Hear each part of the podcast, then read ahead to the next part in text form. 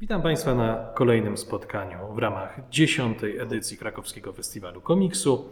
Dzisiaj jesteśmy w Pałacu Potockich przy krakowskim rynku i łączymy się z Markiem Turkiem. Witaj Marku. Witam. Spotykamy się z bardzo ważnego powodu, ponieważ już 2 kwietnia będzie miała premierę wyjątkowa reedycja jednego z Twoich najsławniejszych komiksów, y, iście epickiego cyklu zatytułowanego Fastnachtspiel, który to y, właściwie już w tej chwili będzie się zbliżał do swojego ćwierćwiecza. No Pamięta- jeszcze nie, nie ca- no, ma ponad 20 lat. No tak, ale dwudziestkę, dwudziestkę już, y, dwudziestkę już przekroczył, jeśli idzie, y, w, ty, w, tym roku, y, w tym roku skończy 20 lat to pierwsze wydanie y, albumowe, które się ukazało jeszcze Twoim własnym nakładem w październiku 2001 Mhm. roku, ale to nie jest przecież pierwszy kontakt czytelników z historią, bo już w latach 90., gdzie niegdzie pojawiały się pierwsze odcinki, nie tylko zresztą w magazynach polskich. No, zasadniczo konstrukcja tego, tego cyklu jakby jest e, tak e, sformatowana, że to są krótkie epizody, które w końcu w pewnym momencie splatają się w całość, ale nawet czytając pierwsze, chyba nawet dwa albumy, ma się cały czas wrażenie, że to są pozornie e, odrębne epizody, które łączą się jedynie e, miejscem, w którym się rozgrywają. Tak nie jest, to potem się wszystko oczywiście rozwija, łączy, zwija, zawija, ale tutaj nie będziemy w to wnikać. I one faktycznie od bodajże 97 czy 98 roku e, pojawiały się u nas w różnych zinach, ale też lądowały e, w antologiach e, zagranicznych czy międzynarodowych, jak byśmy je nazwali. Bo, bo były też bodajże w Strasburgu, pojawiły się w jakichś zinach amerykańskich, także no, gdzieś tam się przewijały. I do dzisiaj jakieś tam fragmenty, właśnie te epizody też się pojawiają w różnych zinach zachodnich w tej chwili, bo jak mam okazję, to staram się gdzieś tam publikować. Także no, mo, można założyć, że to jest rzeczywiście 25 lat, circa about. No, w każdym razie już niebawem, bliżej niż dalej. Mhm. No właśnie. y, Rzeczywiście początkowo y, ta historia była do samodzielnego składania z różnych magazynów. Później pojawia się to pierwsze wydanie, które y, sfinansowałeś y, i wypuściłeś na świat własnym sumptem.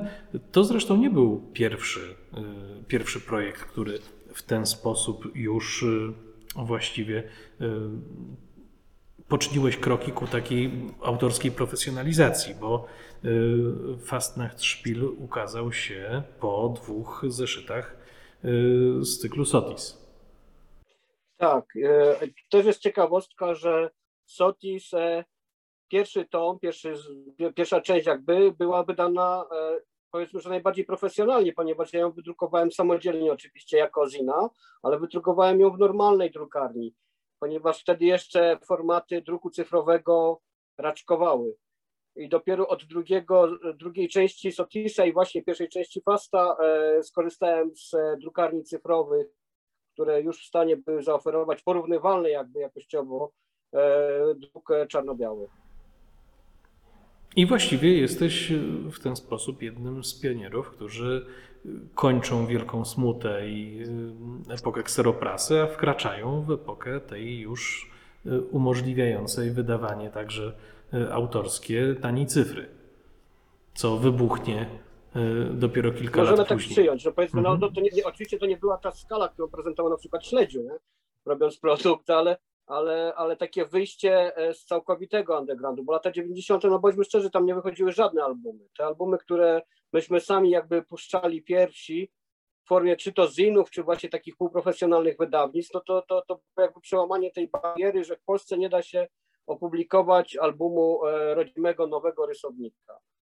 Inna sprawa, że myśmy też kilka lat jakby pracowali na to, żeby te publikacje się ukazały. To nigdy nie było na zasadzie takiej, że ktoś przychodził, od razu publikował album. Jak zwrócisz uwagę na to, kto wtedy wydawał, czy to były ziny, czy mówię, jakieś półprofesjonalne rzeczy, e, to, to, to ci wszyscy ludzie mieli już spory dorobek jakby właśnie w krótkich formach i te albumy jakby podsumowywały Wielką Smutę, a, a, nie, a nie tyle ją kończyły, bo tutaj ciężko będzie zakończyć czegoś, co właściwie płynnie przeszło w kolejny etap.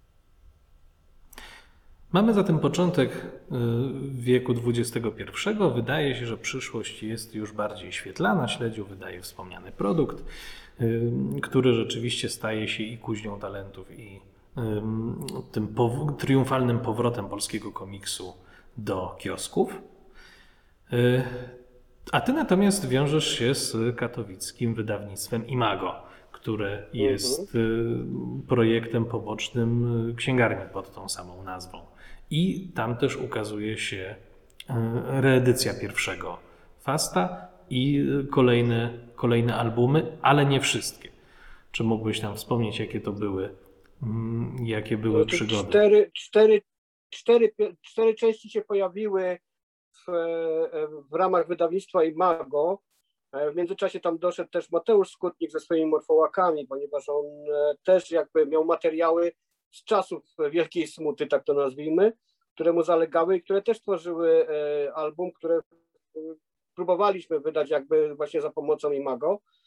E, I te cztery albumy stanowiły jakby integralną, zwartą całość. I, I bodajże w roku, nie wiem, 2006 skończyłem jakby ten cykl i go zamknąłem. Wydawało mi się, że temat jest zamknięty w relatywnie małych nakładach, bo to były naprawdę małe nakłady.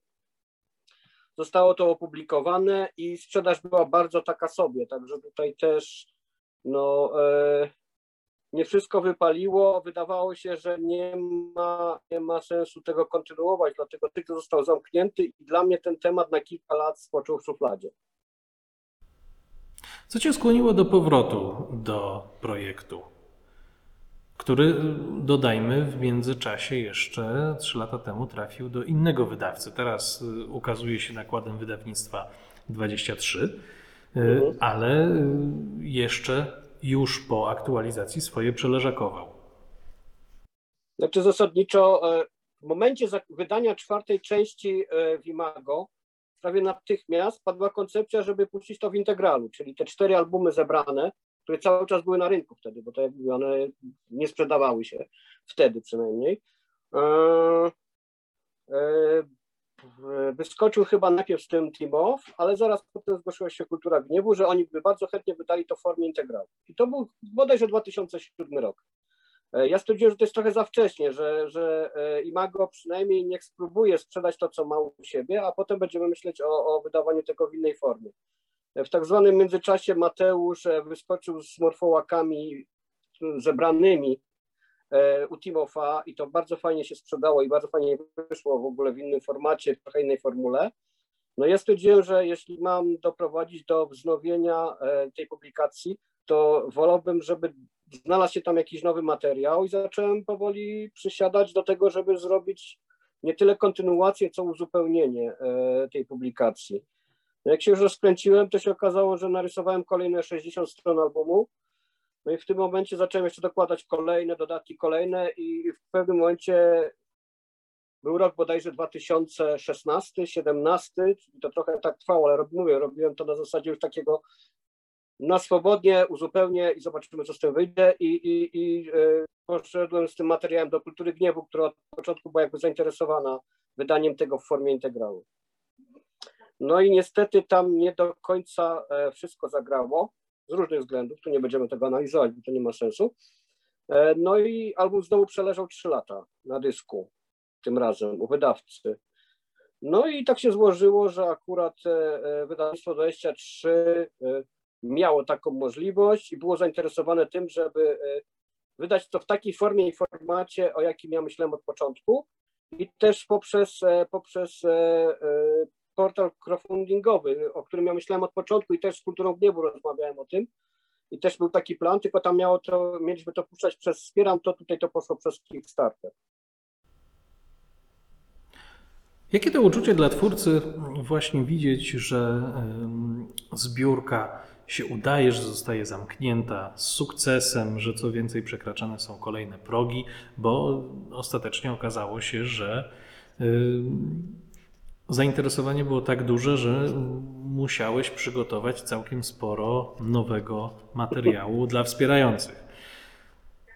Co się ostatecznie znalazło w tym ekskluzywnym właśnie wydaniu dla tych, którzy y, wsparli najmocniej? W tym pełnym wydaniu ostatecznym. W sumie dostaną go wszyscy, ale ono, przybrało taki kształt właśnie dzięki temu, że, że udało się wszystkie, udało się zrealizować wszystkie progi e, zbiórki i więcej, bo to przekroczyliśmy tam sporo tą, e, tą, ten najwyższy próg. E, to ten album zabiera właściwie wszystko, e, co miałem przygotowane, czyli tam oprócz e, tych e, pięciu albumów de facto, wylądowały e, kompletne, e, wylądowała pełna talia kart Tarota, która pierwotnie miała się ukazać tylko w fizycznej postaci kart odrębnie wydanej. Tutaj będzie też wydrukowana w samym albumie. Do tego doszły pewne dodatki, które właśnie mi się wyświetlają za plecami, ale o tym też nie będę teraz wspominał, to sobie już ludzie zobaczą. No i musiałem dorysować kolejny krótki, tym razem komiks, który jakby zamyka całość. Także no, Objętość, która początkowo miała niecałe 300 stron, rozrosła się do 340 w tej chwili. I to, to jest już taki naprawdę zawierający 98% materiału, jakie powstało. Bo, bo, pewne grafiki po prostu, które nie pasowały mi koncepcyjnie do, do tego albumu się tam nie pojawią, ale powiedzmy te 98% materiału, jaki narysowałem do Paznach Szpila, tutaj wylądował. Czy to jest już ostateczny koniec tego projektu? Czy rzeczywiście po tych niemal 25 latach on znajdzie swoją finalizację, już nie będzie rozbudowywany, czy też y, cały czas masz z tyłu głowy tę obawę, że jednak y, za kilka lat uznasz, że jeszcze by coś można dorzucić do tego świata? Znaczy, jestem przerażony tym, że e, rysując ostatni epizod, ten kilkustronicowy, e, ja teoretycznie pracowałem na materiale, który już od dawna był zamknięty, bo w 2017, bodajże 2016 postawiłem ostatnią kreskę przy albumie i nagle w 2020 siadam i rysuję kolejny epizod i już widzę potencjał na to, żeby rysować go dalej. Nie, ale to, to, to, to nie, to przynajmniej nie w najbliższej pięciolatce. Nie chciałbym tego robić i, i nie wiem, czy jeszcze wrócę. Ja się tam fajnie czuję, bo to jest jednak takie dziecko, z którym spędziłem sporo czasu w życiu, ale z drugiej strony no, muszę trochę od niego odpocząć. Także w najbliższych pięciu latach raczej nic nie będę do niego dokładał. Czy faktycznie traktujesz Fastnacht Szpil jako swoje opus magnum, jako, ta, jako to, co, z czym będzie kojarzone Twoje nazwisko później przyszłym generacjom czytelników obudzonych w nocy o północy? No nie, to wiesz co, raz, że jestem bardzo niszowym twórcą, to, to, to, to też jest mały nakład relatywnie, jak na nasz, nawet jak na nasz rynek, a dwa, że ja cały czas robię komiksy i e, to nad czym teraz na przykład e, e, kończę pracować, bo właściwie już robię w tej chwili skład albumu, to też jest saga, która łącznie będzie miała prawie 300 stron i która też wychodzi jakby e, w częściach, bo wyszedł album z tego uniwersum, ukazał, ukazał się lata temu w Kulturze Gniewu, teraz przygotowuję następny w innym wydawnictwie, a za rok albo dwa ukaże się być może trzecia część i, i to też jest taki uniwersum dosyć mocno rozpoznawalny. Czy to jest uniwersum jest... Nest, czy Biobong? Nie, nie, nie. Nest, Nest to już jest w ogóle kolejna sprawa, bo tam też musiałbym wrócić i narysować dalszy ciąg, bo on w mojej głowie siedzi a to jest jakby uniwersum, w którym się dzieje Baja Bongo. Hmm. E, I w tej chwili, w tej chwili e, dosłownie w zeszłym tygodniu postawiłem ostatnie kreski przy ostatnim epizodzie e, komiksu Mr. Silence i, i to też jest właśnie to samo uniwersum co Baja Bongo. I, I w tym samym uniwersum dzieje się akcja komiksu, którego fragmenty pojawią się w najbliższym wydaniu magazynu KKK, który już się też wydaje chyba od półtorej roku, jak nie dłużej i wydać się nie może. Także to też jest taki projekt podobny gabarytowo, z tym, że tam są komiksy nieme, a tutaj jednak ten Fast jest komiksem gadanym, co dla niektórych może być trochę nawet zaskoczeniem, bo jednak e, te moje komiksy nieme jakby w ostatnich latach bardziej zaistniały niż, niż te komiksy z cyklu Fast na szpil, które trochę jakby mają swoich wiernych fanów sprzed lat, ale e, nowi czytelnicy nie mieli jeszcze z nimi kontaktu. Mam takie wrażenie przynajmniej. Zobaczymy. Tutaj też może być różnie. A czy to jest opus magnum? Na pewno nie, jeden z wielu komiksów, a No tak jak mówię, jeszcze mam parę lat życia, także coś jeszcze spróbuję zrobić. Na pewno zaskoczeniem jest Twoja niedawna publikacja y, komiksu stricte historycznego, czyli y, opowieści o y, Orlętach Lwowskich, która mhm. ukazała się, mm, ukazała się przed kilkoma miesiącami i jest rzeczywiście takim rasowym, rasowym komiksem na, zamówi- na zlecenie instytucji. Jaka, czym się różniła specyfika pracy właśnie nad Orlętami w stosunku do Twoich zwykłych projektów, które jednak są, jak wspomniałeś, i, i niszowe, i bardzo mocno autorskie? Czy wiesz, po pierwsze, e, no to nie jest moja pierwsza publikacja tego typu, bo ja co jakiś czas jednak realizuję zlecenia nawet dla instytucji różnego typu, nie tylko państwowych, ale i to są często zlecenia dosyć restrykcyjne. Akurat w przypadku Orląt pierwszy raz miałem możliwość zrobienia pełnego albumu, bo wcześniej to były albo bardzo krótkie formy, albo jakieś elementy e, robione dla, do antologii, albo też e, czasami robiłem takie prezentacje multimedialne, które były wyświetlane na ekranach na podczas jakichś imprez.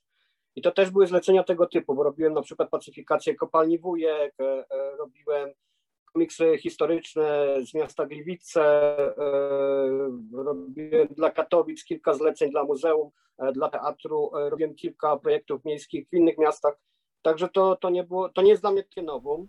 No ale jak miałeś zrobić biografię Belmera, to ostatecznie się skończyło nie biografią.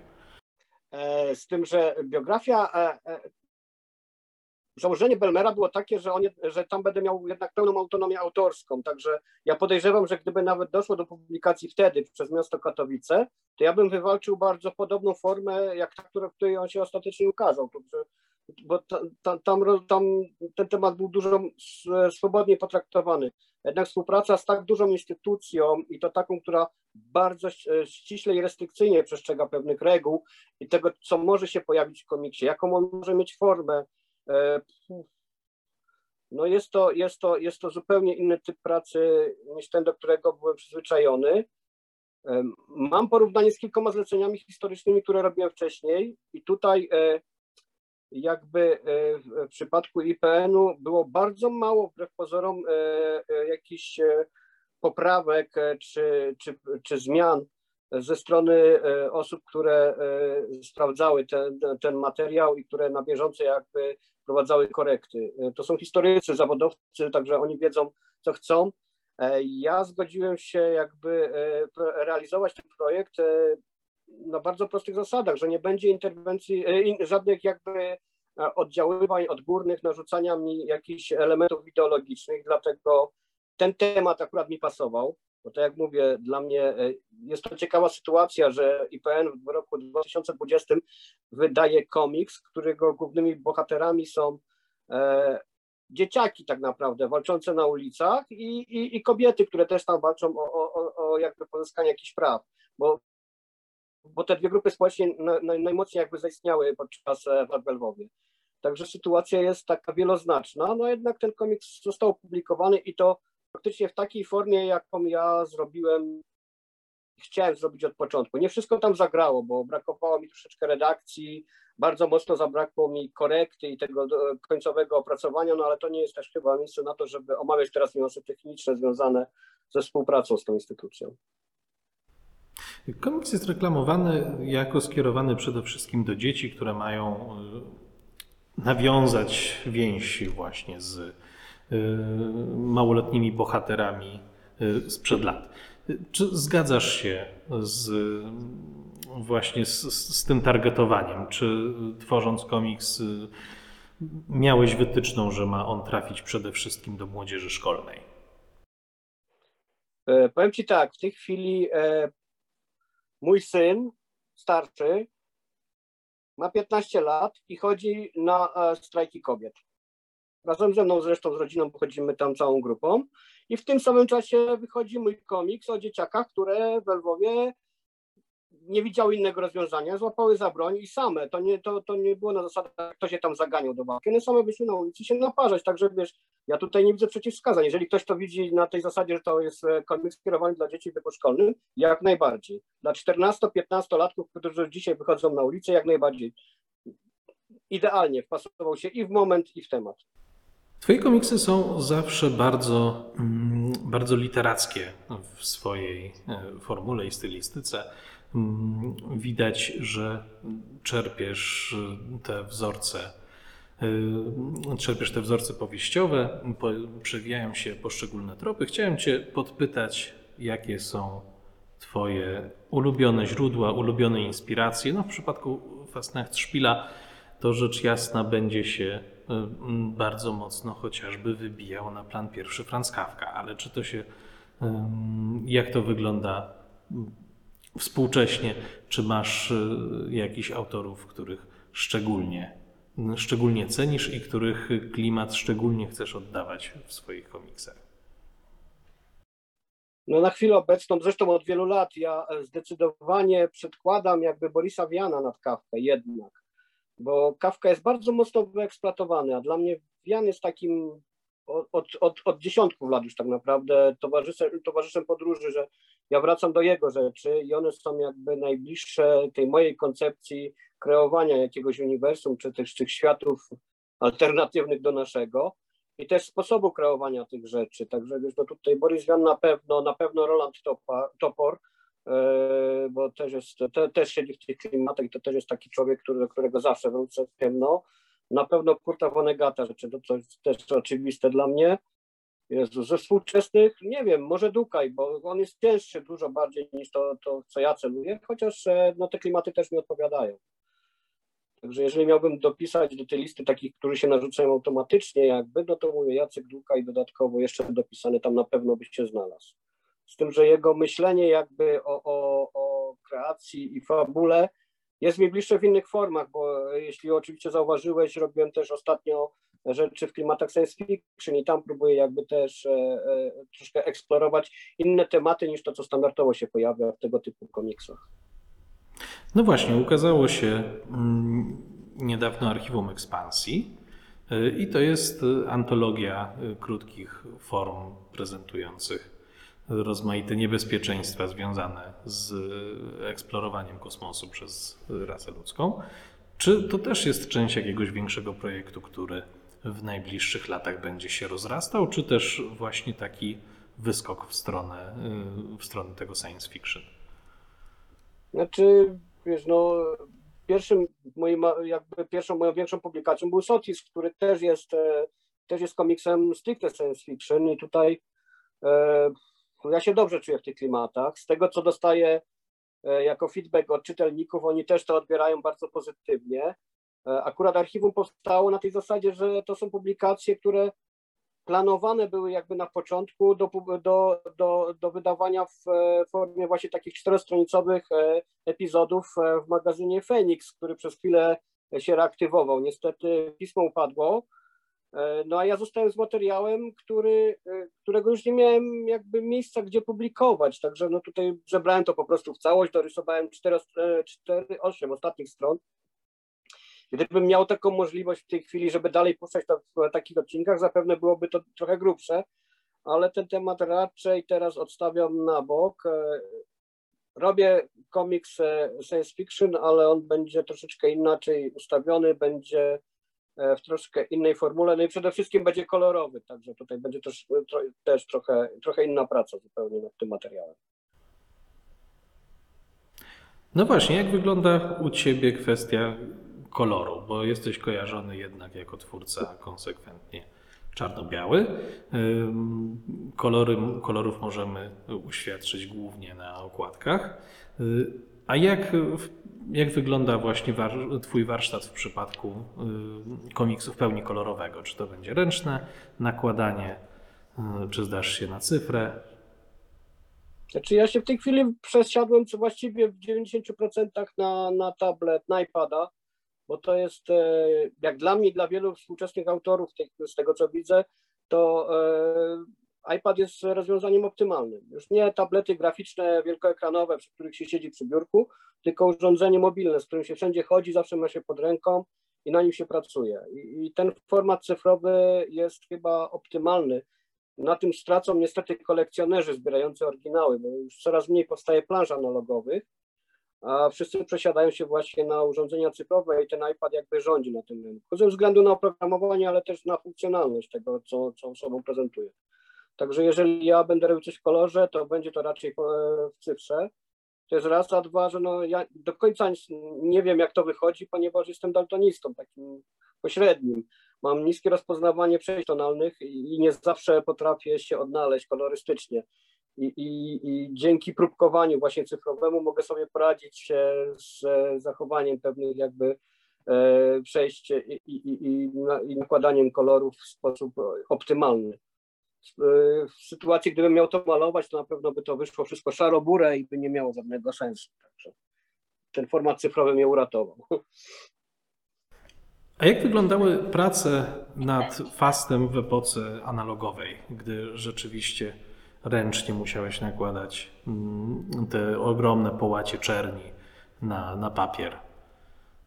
Czy wiesz, fast chyba w żadnej, na żadnym etapie historycznie nie powstawał w pełni analogowo, ponieważ ja od tam 99 roku już przesiadłem się częściowo, przynajmniej na komputer, więc e, już chociażby skład materiałów odbywał się przy faznach szpilu od początku cyfrowo. Ja go rysowałem czasami na bardzo małych kartkach, które były skanowane i potem składane w całość jako plansza.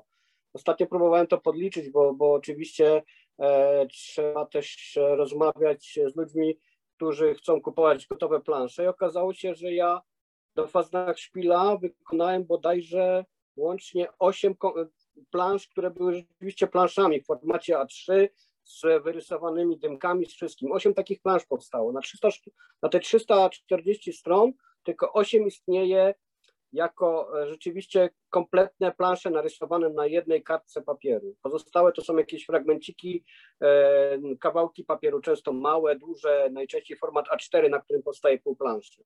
Także ten format cyfrowy przy, w przypadku tego albumu jest od początku. Tutaj nie było momentu, żebym wszystko robił ręcznie.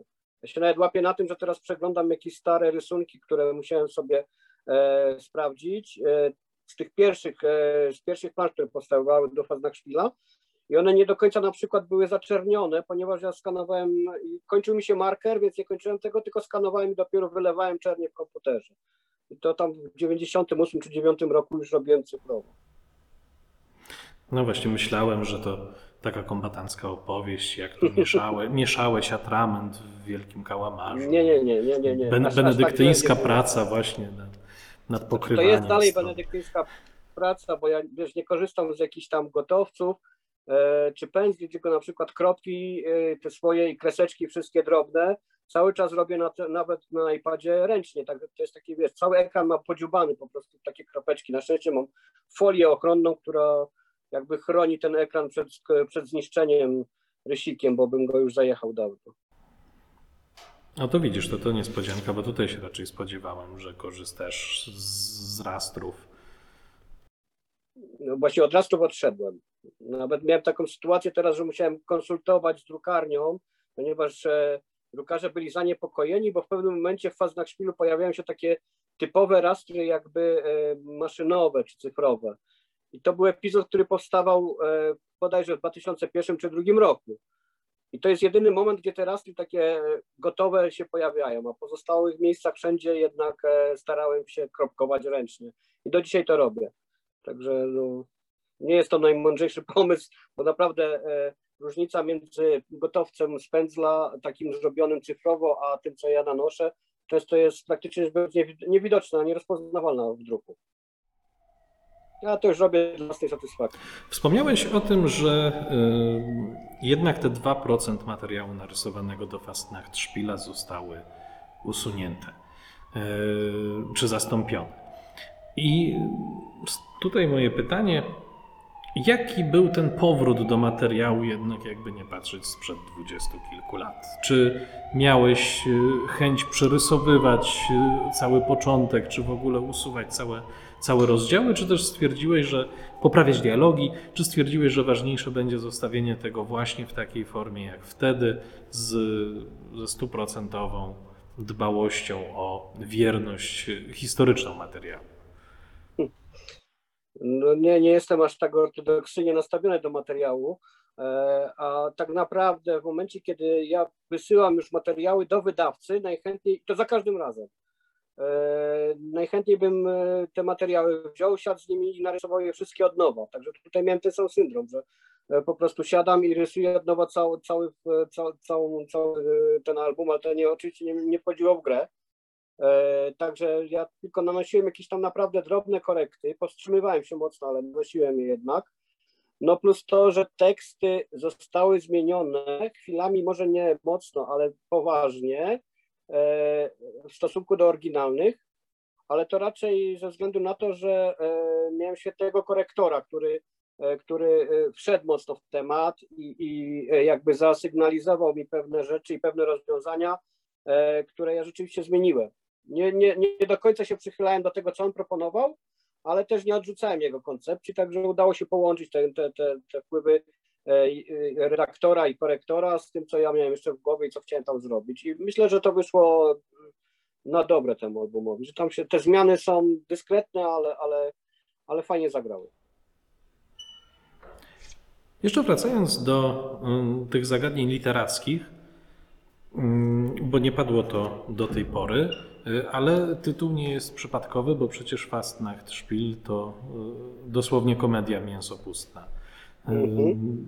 Czyli już dość, mm, dość, dość umarły gatunek literacki, ale przecież na obszarach, zwłaszcza dawnych niemieckojęzycznych, czyli także twoich, twoich rodzinnych stronach, kultywowany. W związku z czym tutaj moje pytanie, czy y, tytuł ma być wyłącznie takim mrugnięciem okiem, czy też korzystałeś z tych autentycznych, autentycznych tekstów, struktury, tropów, z faktycznie prawdziwych komedii mięsopustnych i gdzieś one są ukryte w y, Fastnachtspielu? Nie, aż tak głęboko nie wchodziłem, nie chciałem takich bezpośrednich nawiązań. One są pośrednio. Od razu nadmienię, że w Krakowie ta komedia mięsopusta też się odbywała, także to nie jest tylko domena, wiesz, tych byłych ośrodków niemieckich, zresztą mieliście tych Niemców i do dziś jeszcze macie tyle. Nie no, my, my mieliśmy też Austriaków, no to jest nie, nie, niemieckojęzyczne jak najbardziej. Dokładnie. E, e, a tutaj wiesz, no, ta, ta formuła, nazwa jakby narzucił, ta nazwa, którą miałem od początku jakby pod ręką i od początku z niej korzystałem. Jeszcze zanim powstał pierwszy album, ja poczułem właśnie świat, wiedząc, że to będzie świat Pazda Chwila. E, I, I ona jakby narzuciła mi całą formułę tego ten, ten albumu, no cyklu, nie wiem jak to nazwać, to album to jest to dopiero teraz, ale tego cyklu całego, który powstawał i wydaje mi się, że dosyć dobrze udało mi się uchwycić charakter właśnie te, tego, te, tej, tej komedii e, mięsopustnej i, i, i tego, co, co ona ma przekazywać i jak była realizowana. Tamte nawiązania są mocne, nie są bezpośrednie oczywiście, bo one by były nieczytelne chyba dla większości odbiorców, ale, ale, ale sama konwencja jak najbardziej i też e, forma i formuła, w jakiej to się odbywa. Także tak, no, to, to jest świadome, celowe, ale nie, nie jeden do jednego. Nie, nie ma jakichś bezpośrednich takich nawiązań, jeśli chodzi o tematykę czy postaci. To tam się, może się pojawiają gdzieś w tle, ale to tak raczej nie zamierzenie. Ja tutaj celowałem e, raczej w takie bardziej rozpoznawalne jednak schematy czy odniesienia, które by były czytelne dla współczesnego czytelnika, no bo trudno oczekiwać od, od e, obecnych e, odbiorców, że oni będą rozpoznawali wiesz, teksty z XVII czy XVI wieku, no to, to, to, to nie miałoby sensu. Czy któraś postać z cyklu jest Ci szczególnie bliska? Czy któraś służyła Ci jako, jako portparol? Czy też y, miałeś, y, masz do którejś jakieś szczególne, szczególnie ciepłe uczucie? Trochę Haron, jest taką postacią właśnie jakby stojącą z boku, rozgrywającą swoje, ale stojącą z boku i jest bardziej obserwatorem przez e, większą część tego, tego cyklu. ale tak przewrotnie powiem przekornie, że, że też na przykład burmistrz, który też jest postacią w sumie całkowicie negatywną i złą, a jednak ja też jakieś tam cechy charakteru e, sobie przelałem na niego. E, I trochę postać, o której tutaj nie wiem, czy chcę zmówić, bo będę spoilerował, a to jest postać, która się pojawia, jest chyba głównym bohaterem, można tak powiedzieć, ostatnie, ostatniego albumu, e, który jest dołączony do, do, do tego, ostatni, ostatniego, ostatniej części cyklu, która jakby zamyka ten, ten album I, i tam też jest taka postać, która, która trochę tych moich cech i elementów nawet życia posiada.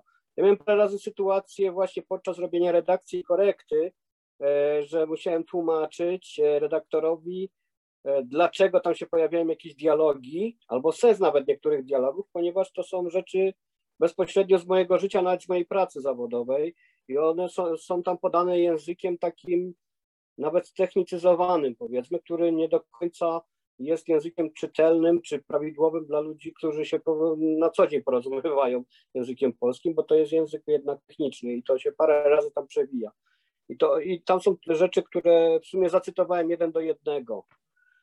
Yy, I tak to, te, te, te związki jednak są i to ja mówię, nie no w sumie każda postać, która tam się przewija ma jakieś rzeczy, które wyjąłem ze swojej głowy, więc trudno oczekiwać, żebym i tam sobie nie odnajdywał. Nie ma, nie ma postaci takiej jednoznacznie, z którą bym się identyfikował, ale też e, nawet te najgorsze, które tam się przewijają, e, wyskoczyły jednak z mojej głowy i mają jakieś tam elementy, które chciałem, żeby miały. Także wszyscy, cały świat, to całe uniwersum jest moje. Czy w takim razie, gdy za lat 10-15 doczekamy się kolejnego wydania zbiorczego, to dołączysz jeszcze przypisy z taką edycją krytyczną, gdzie będziesz właśnie yy, tak jak redaktorowi teraz, tak czytelnikom wyjaśniał, wspominał te wszystkie szczegóły yy, co do poszczególnych scen? Czy to raczej zostawisz jako, jako tajemnicę? Czy może nie tajemnicę, ale ja, ja mam mieszane uczucia po tym, jak zrobiłem coś, taki zabieg w Belmerze. E, bo te moje e, przepisy w Belmerze wydawało mi się od początku, bo pierwszy raz w albumie zrobiłem coś takiego, że wyjaśniłem właściwie no, większość rzeczy, które tam mogły być niejasne i wyłożyłem jakby kawę na ławę, co, gdzie, jak, kiedy i z czego i spotkałem się z jednej strony z opiniami, że bardzo dobrze, bo przez to ten album jest czytelniejszy i można go studiować kilka razy właśnie wspomagając się tym posłowiem, a z drugiej strony e, spotkałem się z wieloma takimi krytycznymi głosami, że e, te wyjaśnienia jakby świadczą o ułomności samego albumu, że to komiks ma się bronić samodzielnie i nie powinien potrzebować takich rzeczy. Nie wiem, nie wiem. Nie wiem, nie wiem, którą stronę się akurat tutaj poruszy, bo wydaje mi się, że z jednej strony akurat Faznach Szpil potrzebowałby takiego uzupełnienia, ale z drugiej nie chce odbierać przyjemności czytelnikom, którzy uważają, że ten komiks ma się obronić sam, i mam liczyć na ich e, inteligencję i pracowitość, że sami sobie rozpracują to, o co tam chodziło. Także nie mam pojęcia, w którą stronę to podąży, jeżeli dojdzie do reedycji, do reedycji za 10 lat, powiedzmy. Oby. Niebawem 2 kwietnia zamykasz przygodę z Fastnacht, z Fastnacht Szpilem, przynajmniej na razie. I tak jak wspomnieliśmy, rozbudowujesz uniwersum Biobongo, i jakie jeszcze projekty majaczą na horyzoncie w najbliższej pięciolatce? No wiesz co, ja cały czas jestem bardzo głęboko zaangażowany w powstawanie wydziału z Tomkiem Kątnym i, i my naprawdę intensywnie siedzimy nad scenariuszami i to jest wyczerpujące i angażujące, naprawdę. E, wbrew pozorom zrobienie, zrobienie takiego cyklu komiksów, e, robienie go po godzinach i jakby dodatkowo oprócz tych rzeczy, które normalnie obydwaj robimy, to jest bardzo angażujące. Ja też mam na głowie, jakby na finiszu każdego zeszytu, e, przygotowanie go razem e, z wydawcą e, do, do druku, także no to jest multum pracy i, ja mam co robić. Także nawet gdybym nie miał swoich jakichś projektów, to miałbym co robić i, i, i też e, musiałbym kombinować, żeby znaleźć czas na coś innego. Także ten projekt wydziału mnie cały czas angażuje mocno i oby jak najdłużej zobaczymy, jak długo to się będzie ukazywało. Na razie ludzie chcą to czytać, więc okej. Okay. Oprócz tego e, robię jakieś dwa takie projekty science fiction, krótsze lub dłuższe. Zobaczymy, co z tego wyjdzie.